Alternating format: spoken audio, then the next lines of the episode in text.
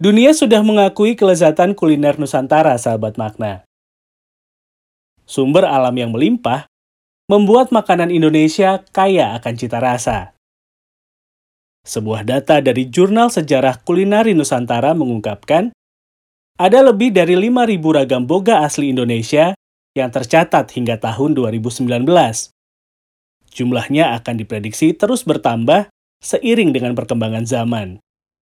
Kali ini, saya akan ngobrol dengan sahabat saya, Bayu Santoso, pemilik bisnis kuliner yang menjadikan makanan asli Indonesia sebagai menu utamanya. Kita simak yuk, dibicara makna, makna kata podcast, bareng saya, Fendi Rahman. Halo sahabat makna, kamu pengen bikin podcast seperti ini? Makna kata podcast menggunakan aplikasi Anchor. Kamu tinggal download aplikasinya di ponsel dengan kata kunci Anchor A-N-C-H-O-R. Setelah download aplikasinya, kamu bisa langsung bikin podcast loh. Tinggal klik, rekam, mau pakai background juga ada, bisa langsung diedit, dan jadi. Pokoknya semua lengkap, nggak ribet, dan aplikasi ini 100% gratis loh sahabat makna. Nanti secara otomatis, podcast kamu akan didistribusikan sama Anchor ke berbagai platform, seperti Spotify, dan platform podcast lainnya. Jadi kalau mau bikin podcast, pakai aplikasi Anchor. Download aplikasinya, rekam, dan bagikan.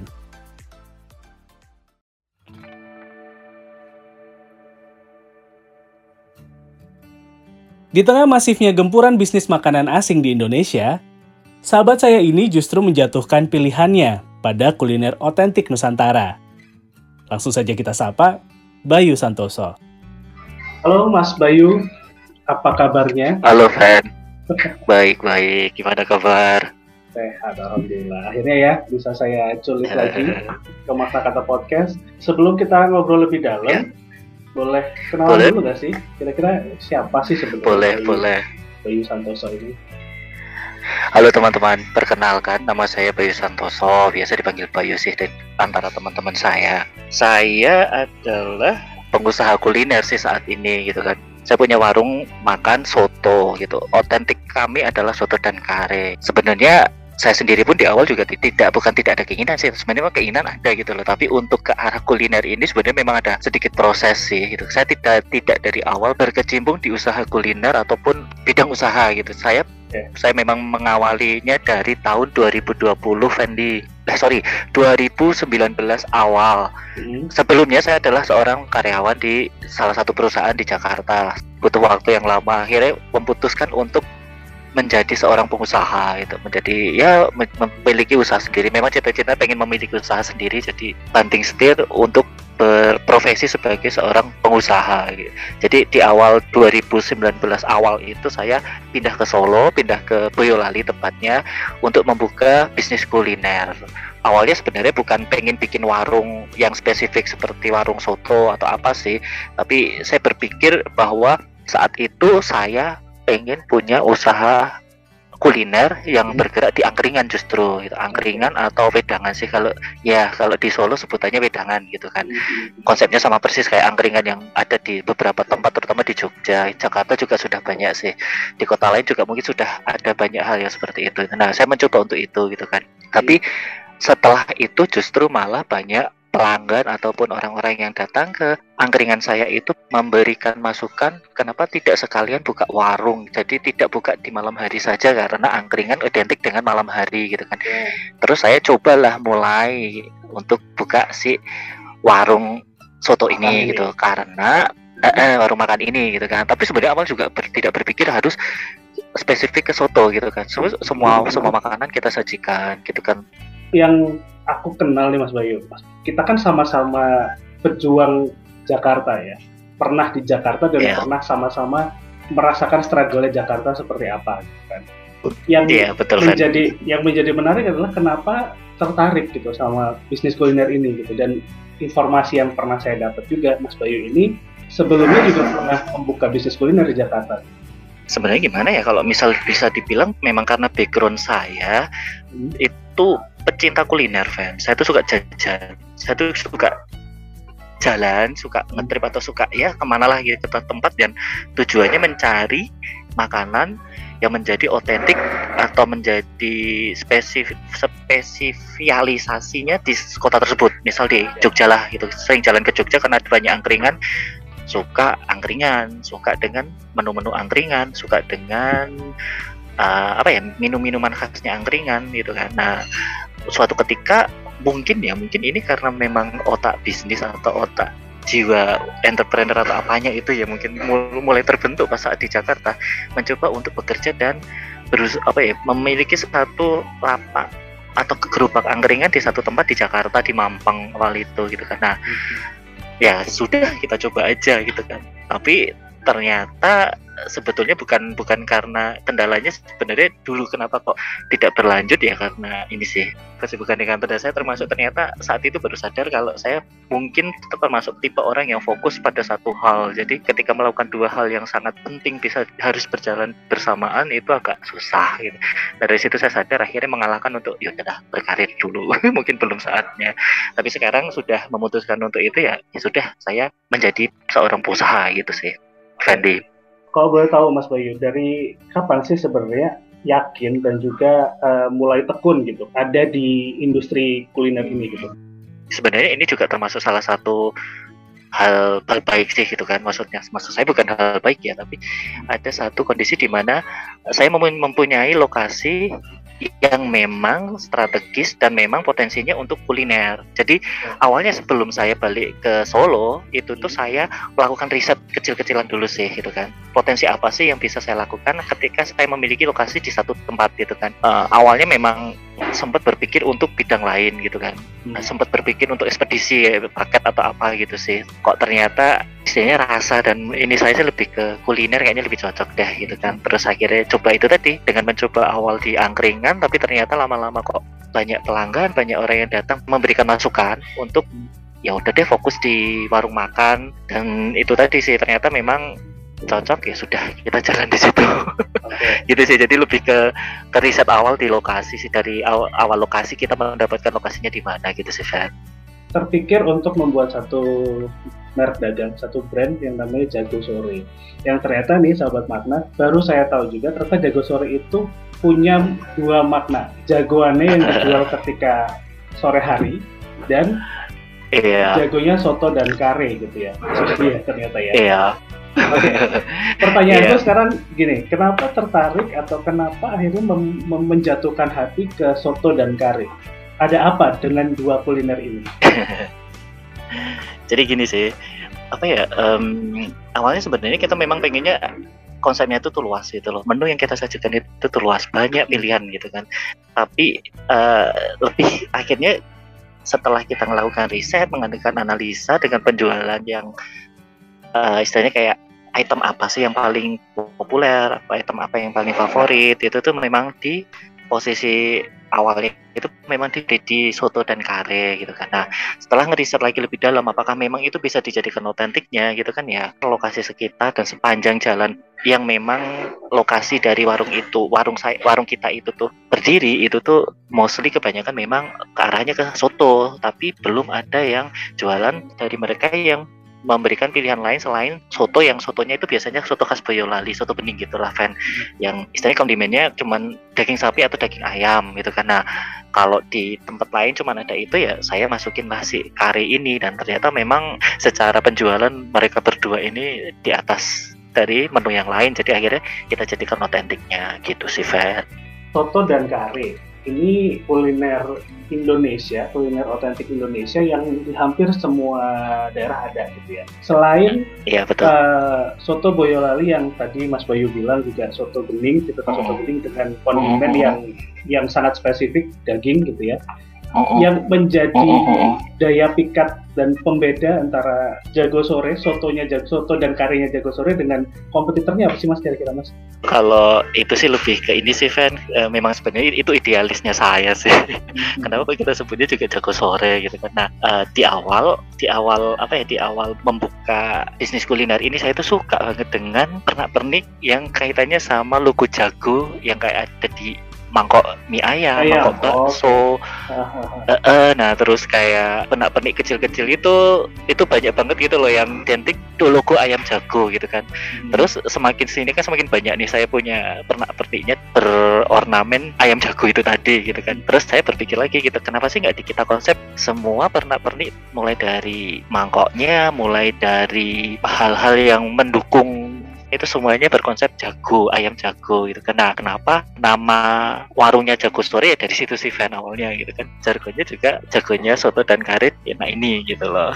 Siap siap siap siap. Menarik ini di 2019 itu kan kita juga ada satu momen yang sangat mengubah tatanan hidup semua orang gitu ya. Sampai Iya. detik ini bahkan. Yang menjadi kendalanya seperti apa tuh mas? jadi gini sih fan kita kan mulai di tahun 2019 awal nih. Awalnya semuanya baik-baik saja gitu kan bahkan kita di 2000 2020 awal itu tuh sampai kita punya dua tempat tuh.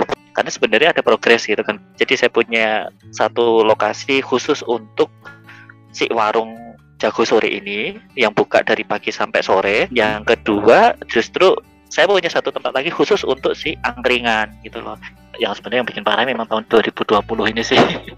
Awal pandemi datang mulailah diberlakukan kondisi-kondisi semacam PPKM lah. Mulai dari situlah kondisi malam hari jadi tidak kondusif untuk, untuk berbisnis gitu loh.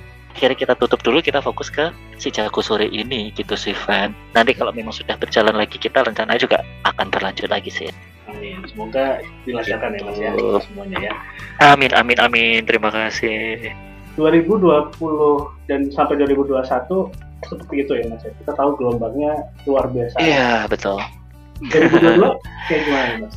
2022 sempat sudah mulai membaik kondisinya kan si pandemi ini gitu kan PPKM juga dihapus orang-orang juga sudah mulai jalan ini mulai berprogresif kan selama 2022 awal sampai sekarang ini progresnya positif lumayan positif lumayan bagus gitu kan akhirnya kita pengen fokus di jago sore ini sih rencana memang kita mau kembangin lebih serius lagi sih lebih mendekatkan ke konsumen lebih muda seperti itu sih Van hampir lima tahun konsisten menjalani bisnis kuliner khususnya kuliner Nusantara ini. Hal apa sih yang Mas Doi dapat? Kalau dari bisnisnya sendiri banyak sekali sih hal yang bisa kita pelajari gitu ya. ya semuanya istilahnya kayak apa yang kita pelajari di pekerjaan kita kantor sebelumnya ataupun apa yang sudah pernah kita lakukan sebagai seorang karyawan itu tuh hanya sebagian kecil dari apa yang kita lakukan menjadi seorang pebisnis gitu kita melakukan semuanya mulai dari operasionalnya seperti apa bahkan kita harus pendekatan kita ke karyawan kita bagaimana kita menampakkan sisi marketingnya kita, bagaimana kita menampakkan pasar baru, mencari ceruk baru dan sebagainya dan sebagainya itu tuh semuanya ada di sini dan pembelajaran itu dalam satu waktu, dalam kondisi yang dipaksa untuk bergerak tapi cepat juga, semua harus berjalan dalam satu waktu itu luar biasa sih, Ven. Kenapa kok saya ambil kuliner Nusantara? Ini sampai kapan pun bakalan menjadi kuliner identitas di satu tempat sih. Soto juga bakalan sampai kapan pun akan menjadi soto sih bukan menjadi menjadi hal lain gitu kan. Dari sisi bisnis si kuliner ini bakalan bertahan karena me- memang sudah melekat itu tadi sih menjadi identitas Nusantara gitu loh. Mau dikembangkan seperti apa pun yang akan kita develop di soto itu yaitu masih soto. Saya berpikir beruntung banget sih bisa menemukan ini gitu kan. Dan itu bisa masuk di lidah semua orang. Mas Bayu, eh, Iya. tadi setelah ngobrol tentang apa yang sudah Mas Bayu dapat, gitu, kira-kira masih ingat gak sih Mas, customer pertama yang membeli produk soto dan kari itu siapa Mas? kalau siapanya saya nggak tahu persis ya namanya siapa. Yang pasti ada segerombolan segerombolan ibu-ibu dan mbak-mbak gitu sih. Itu ada enam orang gitu. Dan itu menjadi enam orang pelanggan yang setia selama beberapa minggu pertama punya warung itu. Mereka yang selalu memberikan masukan kayak kebutuhan orang-orang di sini. Itu sih enam orang mbak-mbak dan ibu-ibu itu gitu kan. Sekarang pun juga masih sih walaupun tidak sesering dulu tapi masih menjadi bagian dari orang-orang yang memberikan kontribusi masukan. Ada satu juga hal menarik nih sahabat mata yang saya temukan ketika mampir. Ya Jago Sore. ya Bagaimana ketika para pelanggan ini bisa bisa melayani dirinya sendiri gitu ya terkait dengan air minumnya yang saya ingat waktu itu Iya, adalah teh iya, hangat iya. dan teh panas gitu ya dan mengedukasi para pelanggan ini untuk sabar dan antri sampai dibikinin nomor itu kepikirannya gimana Mas Bayu? ini ini sebenarnya menjadi poin menarik sih dari Fendi gitu kan. Uh, saya sih tidak berpikir itu tuh menjadi sesuatu hal yang menarik tapi jadi poin menarik sih memang ya memang awalnya dulu dulu itu tuh uh, istilahnya kayak minuman dan hal-hal kondimen itu tuh memang kita yang akan menyediakan. Tapi ternyata itu butuh waktu yang lebih lama lagi gitu kan lebih lebih panjang lagi gitu loh. Dibandingkan kita memberikan uh, satu meja khusus untuk mereka mengambil sendiri gitu kan. Itu sebenarnya juga awalnya memang butuh edukasi sih buat teman-teman ini bukan ya, bukan hal yang biasa lah di di tempat di, di tempat kita. Lokasi tersebut kalau minuman itu tuh layaknya biasanya dihidangkan berbarengan dengan makanan gitu kan. Tapi kan tidak dalam kondisi yang saat ini di mana dalam jangka waktu satu jam kita harus melayani 50 bahkan kadang sampai penuh itu tuh benar-benar yang di atas 50 orang dalam satu waktu yang harus dilayani berbarengan dan mereka butuh dalam waktu yang bersamaan. Itu butuh butuh ini juga sih butuh pemikiran gitu loh fan gitu kan. Awalnya kita juga berpikir wah ini bakalan marah sih. Memang iya ada satu minggu pertama itu ada benturan.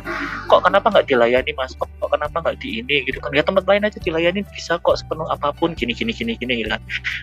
Saya emang berpikir ini menjadi pembeda gitu kan. Jadi pemesanan itu tuh by nomor berdasarkan nomor nanti si minuman ini mereka mengambil sendiri di satu meja. Jadi saya siapkan satu meja khusus untuk minuman yang mereka ambil sendiri. Kita sediain aja teh panas, es teh, sama jeruk panas, sama es jeruk gitu kan.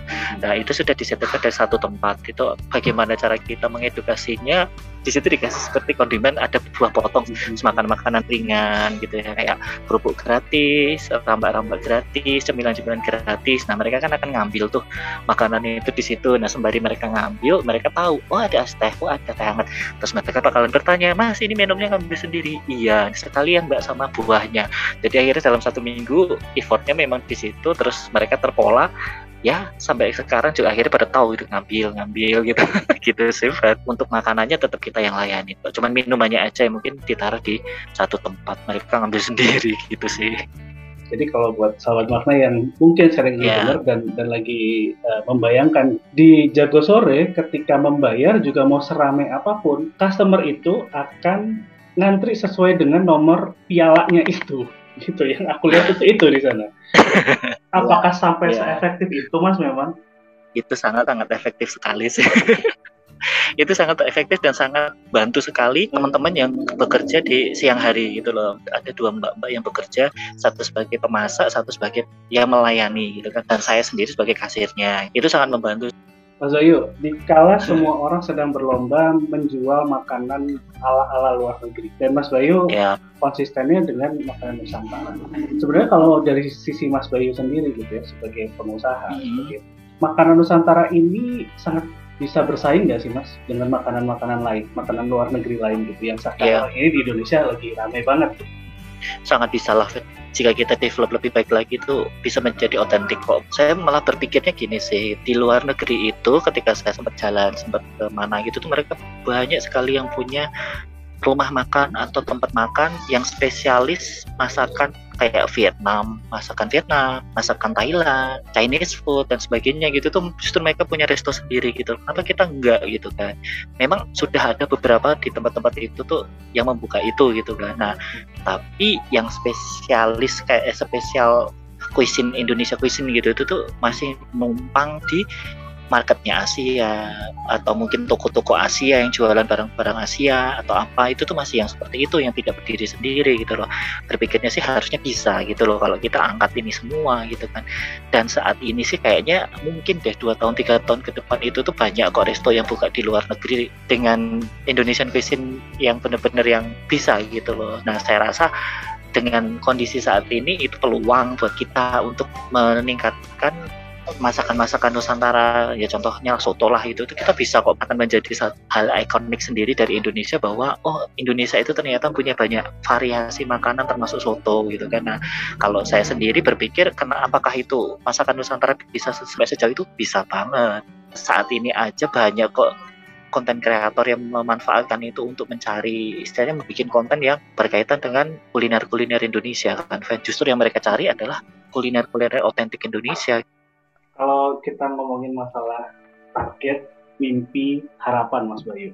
Kira-kira dari seorang Bayu Santosa sendiri sebagai owner dari Jago Sore punya mimpi yang setinggi apa sih untuk Jago Sore dan untuk kuliner Nusantara? Ya, yang pasti itu sih Van, kita pengen sih mengelola yang lebih profesional lagi gitu kan, lebih baik lagi gitu kan. Kita akan develop dari sisi konsepnya, dari sisi um, pelayanannya, prosedurnya dan sebagainya itu menjadi lebih profesional lagi sih. Jadi istilahnya kita punya satu nilai jual yang holistik holistik dalam artian menyeluruh itu loh fan bahwa kita menjual jago sore itu tuh menyeluruh itu loh nggak cuma pelayanannya saja yang bagus, rasanya saja yang bagus tapi keseluruhan. Kita menjual satu warung yang berkonsep berintegritas, berpelayanan baik dan ber penampilan menarik. Kita akan pasti develop terus develop terus gitu. Memang butuh waktu tapi saya bermimpi itu bisa untuk kita gitu kan. Nah yang kedua pasti pengen buka cabang pengen buka ini mimpi yang luar biasa yang pengen yang jauh sih gitu lah pengen buka itu tadi sih fan jadi semacam satu resto kitchen khusus foto di tempat lain bukan cuma di Indonesia sih tapi di negara lain gitu sih. Ya sasarannya mungkin istilahnya apa ya istilahnya kayak negara-negara tetangga yang mungkin secara kuliner mendekati lah rasanya tapi kan belum ada gitu loh. Satu soto yang benar-benar uh, bukan belum ada sih mungkin belum banyak lah. Satu warung soto atau kedai soto yang ada di Singapura atau di Malaysia di negara-negara tetangga gitu kan. Mau saya pengennya seperti itu. Kalau ada pendengar makna kata podcast yang pengen singgah dan Mas Bayu. Jago iya iya, monggo monggo. Tempatnya ada di mana sih sebenarnya? Kalau tempatnya lokasi kita di Jalan Nasional 16 Bangak Batan, Banyudono, Boyolali. Jadi posisinya memang dia itu di perbatasan sih Van. Jadi kalau dibilang masuk ke Boyolalinya enggak gitu loh. Jadi istilahnya kayak perbatasan sih. Suatu saat kalau si tol Jogja Solo itu dibuka mungkin satu atau dua tahun lagi itu tuh bisa kebuka nah pasti akan lewat tempat kita kalau keluar ke pintu tol Solo gitu kan nah itu bisa sih lewat lewat tempat kita gitu. itu deket banget sih dengan pintu tol Solo Jogja gitu kan saran atau ada masukan dari Mas Bayu sebagai pelaku bisnis kuliner Nusantara gitu untuk teman-teman yang sekarang ini tertarik untuk mengulik kuliner Nusantara sebagai menu utama di bisnis kuliner ya Mas Bayu?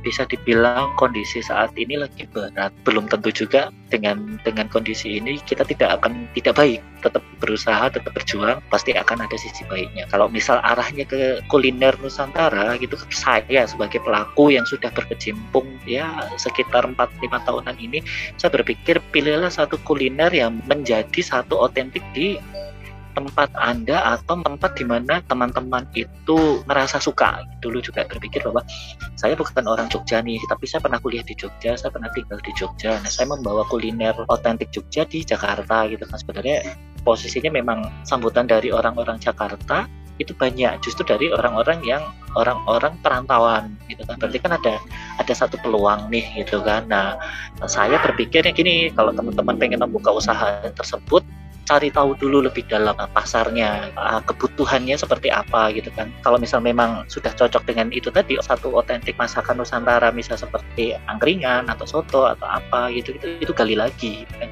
Harus digali lagi kebutuhannya mereka apakah memang cocok atau enggak. Gitu. Kalau misal memang tidak segera ganti dulu sih sebelum beraksi dalam usaha itu gitu kan dengan satu produk yang teman-teman sukai gitu loh. Kalau memang ternyata tidak sesuai dengan pasar jangan dipaksakan, sesuaikan dengan kebutuhan pasarnya. Pilih satu produk yang memang sesuai, memang dibutuhkan, dan memang bisa memberikan manfaat untuk teman-teman atau orang-orang yang ada di sekitar di mana lokasi usaha yang akan dirikan nanti. Terakhir, menurut seorang Bayu Santoso, bisnis kuliner Nusantara di Indonesia akan terus bertahan selama selama rasa kecintaan kita, nasionalisme akan ke kepemilikan ada gitu loh di jiwa kita. Harusnya kita sebagai generasi muda terus mempertahankannya. Memperjuangkannya untuk selalu ada dengan berinovasi dengan mengembangkan lagi lah gitu kan produk-produk Nusantara kuliner Nusantara ini menjadi yang lebih baik dengan dikemas menjadi lebih baik buat satu produk yang baik lagi lebih maju lagi lebih inovatif lagi. Saya rasa pasti bisa kok bersaing dengan kuliner mana pun. Dan justru malah saya berpikir kuliner Indonesia bahkan merajai kok di dunia. Gitu sih kan Terima kasih banyak Mas Bayu Santoso untuk waktunya. iya, terima kasih kembali Fandi. Sudah berkenan hadir, sudah luangin waktunya untuk bisa ya, ngobrol. Sama-sama ya. Edisi akhir bulan ini ya. gitu. Ada tiga hal yang hari ini saya ambil inti sarinya dari obrolan kita. Yang pertama adalah jangan malu untuk mengakui keotentikan kita ketika sudah bertemu keotentikannya, gali terus dan temukan kebutuhan pasarnya. Yang paling penting adalah jangan ragu untuk memulai, jangan takut untuk memulai karena keotentikan kita, identitas kita akan bertahan sampai Terima kasih banyak Mas Bayu. Semoga sama-sama mimpi mimpinya bisa segera terrealisasi amin, kuliner amin, Nusantaranya amin. bisa tetap lestari dan jago sorenya amin, bisa amin, amin, terus berkembang itu. Saya akan main ya, lagi ke sana. Terima kasih ya. banyak doanya. Amin, siap.